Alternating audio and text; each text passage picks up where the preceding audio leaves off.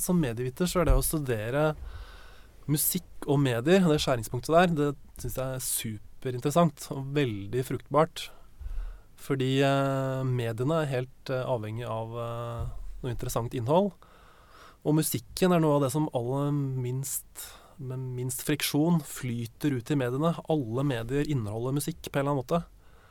Så eh, jeg er veldig glad for å ha funnet det som et forskningsfelt, musikk og medier. Og eh, det, det gleder jeg meg til å jobbe videre, videre med. Det sa Yngvar Kjus, som er universitetslektor ved Institutt for mediekommunikasjon på Universitetet i Oslo. Og mitt navn er Arne Krumsvik.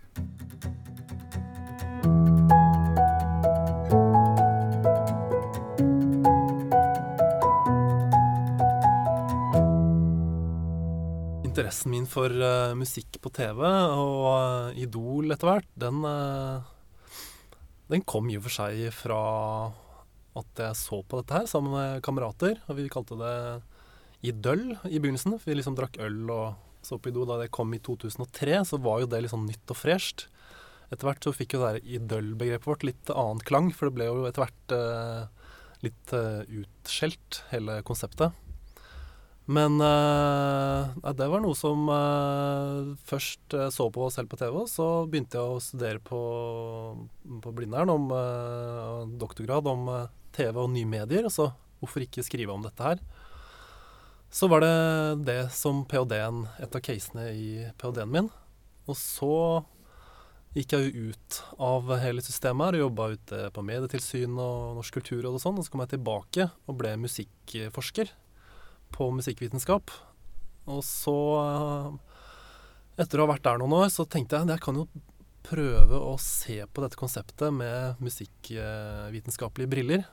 Og så når jeg først gjorde det, så bare smalt den artikkelen eh, ut som jeg nå sist uh, fikk ut for noen uker siden i Media Culture and Society.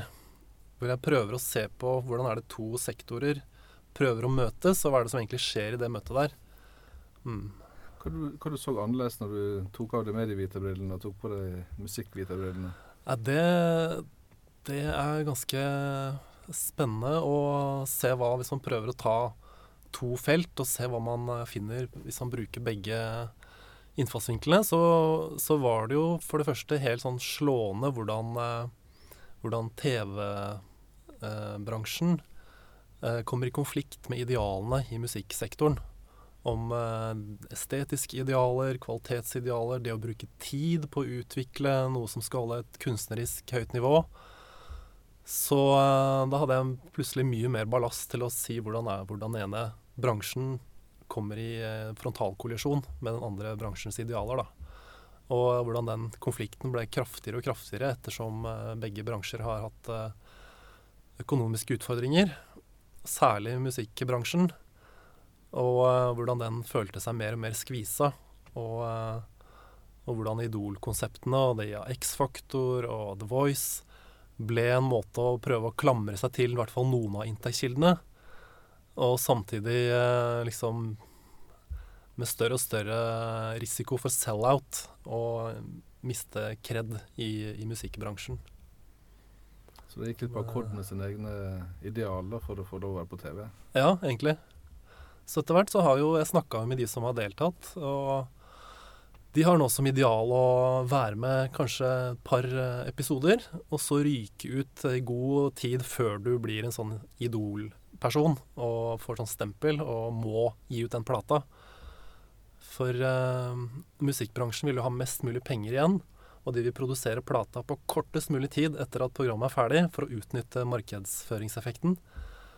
Og er det noe musikkprodusenter har som credo, er det, å, er det å la musikken få god tid til å utvikle seg. Lager kanskje spille inn 20-30 sanger, og så velger du ut de ti aller beste.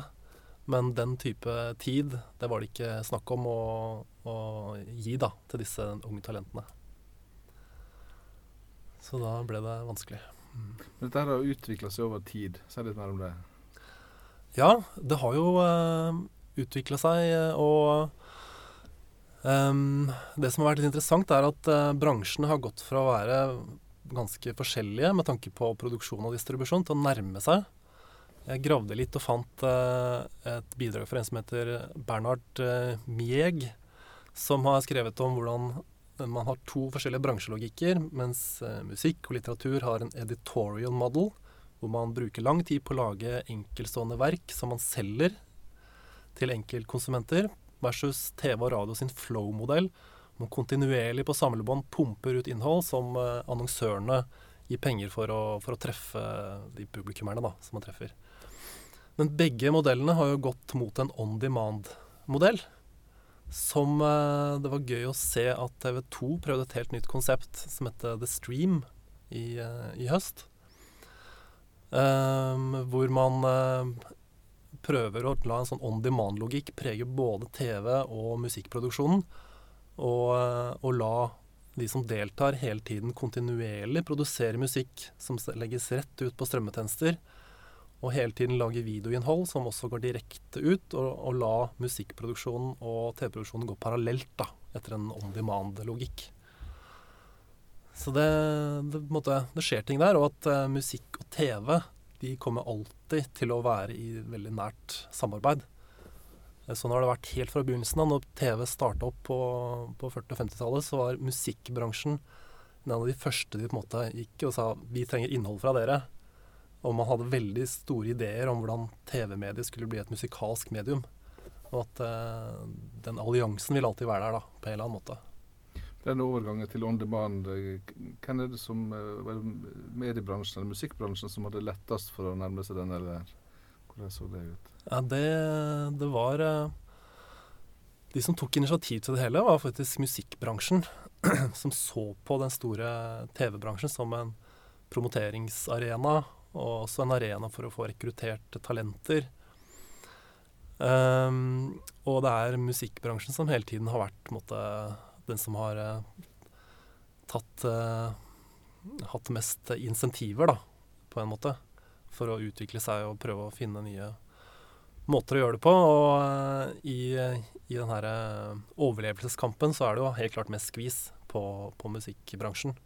Og det har også vært en grunn til at det ikke har vært så vanskelig å få folk til å være produsenter og jobbe med programmene, og til å delta, i og med at det er så skrint på, innen musikkbransjen. Vi har jo Det er jo de som har ligget i front, da. Først velkjent historie med pirattjenester, og så som en sånn kriseløsning prøve strømmetjenester. Og så er det en langvarig kamp å prøve å få det til å rulle, og få faktisk inntekter der. Så det, det, er de som kjenner kniven mest på strupen. Og Dermed har de også kanskje blitt mest innovative? Eller hatt det mest travelt? Ja, de har nok det. Nå er jo Nå har jo det mange sider ved seg.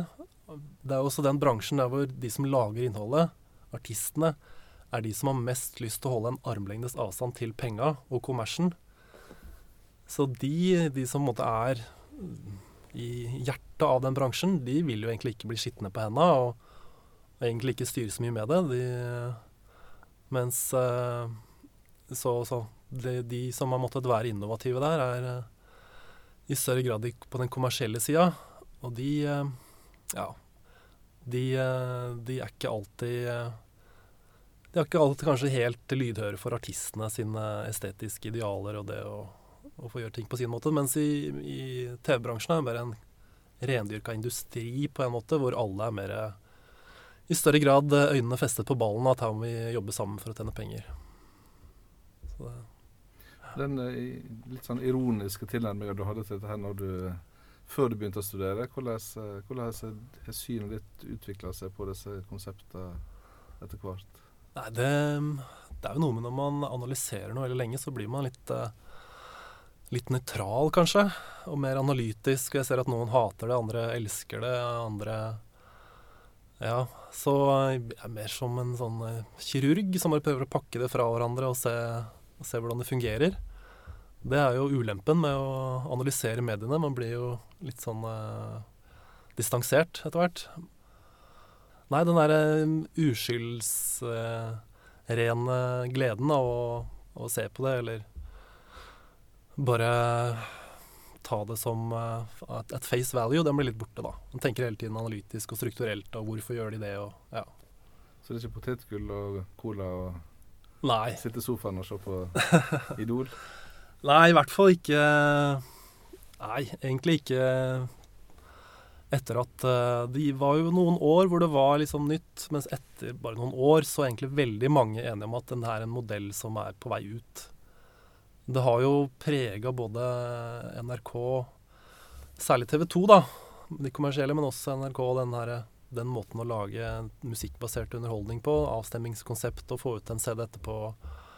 Mange er slitne av den, den, formen og tenker at her må det noe helt nytt. At det er nesten klar for skraphaugen, den den formen der, så, så er jo jeg da, når jeg har sett historikken i det, så vet jeg jo at det vil alltid være musikk på TV. Det er bare akkurat hvordan man gjør det, og hvor kynisk man er i å prøve å skvise ut uh, penger, f.eks. Det er jo det som, som, vil variere litt.